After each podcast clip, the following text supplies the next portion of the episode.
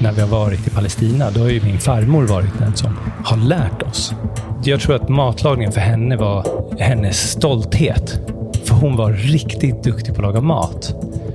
När man är i ett samhälle som lever under, under förtryck, under ockupation och där ens identitet och, och, kultur är så hotad hela tiden att maten kanske också blir ännu viktigare som någon slags identitetsbärare.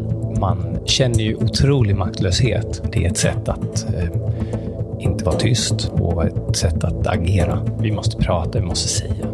Det finns ett otroligt stort stöd för den palestinska frågan hos en överväldigande majoritet, inte bara i Sverige men över hela världen. Att vara palestinier är ingenting som man behöver skämmas för. Det är en symbol för en frihetskamp som har hållit på i 70 år. Lyssna till Palestinapodden. Finns där poddar finns.